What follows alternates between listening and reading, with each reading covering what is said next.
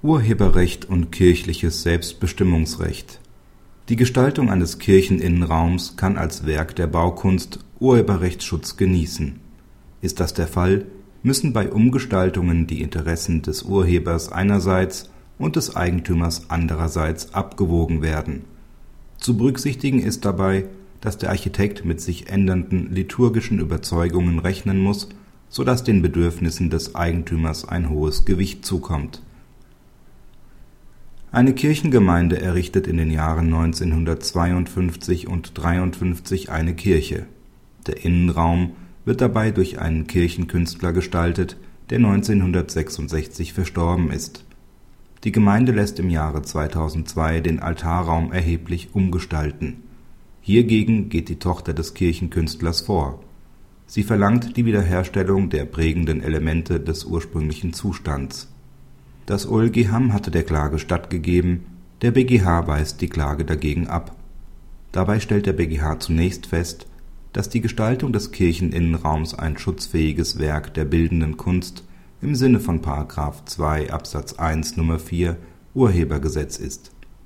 Die Gestaltung des Innenraums enthält zahlreiche prägende Elemente, die die erforderliche Schöpfungshöhe aufweisen damit überragt die ursprüngliche Gestaltung das übliche Kirchenbauschaffen. Im Urheberrecht besteht ein grundsätzliches Änderungsverbot.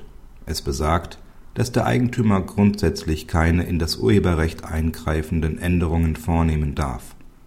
Das bedeutet allerdings nicht, dass jegliche Eingriffe in die urheberrechtlich geschützte Gestaltung ausgeschlossen sind. Vielmehr muss eine Abwägung durchgeführt werden, die auch die Interessen des Eigentümers hinreichend berücksichtigt diese Interessenabwägung fällt im vorliegenden Fall zugunsten der Kirchengemeinde aus.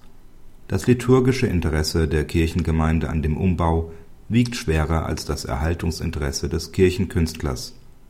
Hier erfolgte der Umbau, um die Liturgieform des Zweiten Vatikanischen Konzils umzusetzen, die auf eine verstärkte Einbeziehung der Kirchenbesucher in das gottesdienstliche Geschehen zielt. Außerdem musste dem Kirchenkünstler bewusst sein dass sich die liturgischen Bedürfnisse der Kirchengemeinde ändern können.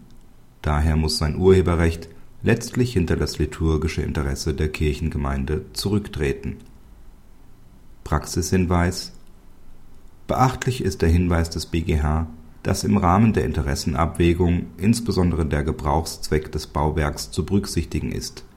Der Urheber eines Bauwerks weiß, dass der Eigentümer das Bauwerk für einen bestimmten Zweck verwenden möchte er muss daher damit rechnen, dass sich die Bedürfnisse des Eigentümers verändern und sich daraus Bedarf nach Veränderungen des Bauwerks ergibt. Zu wählen hat der Eigentümer dabei allerdings eine Lösung, die die Interessen des Urhebers möglichst wenig berührt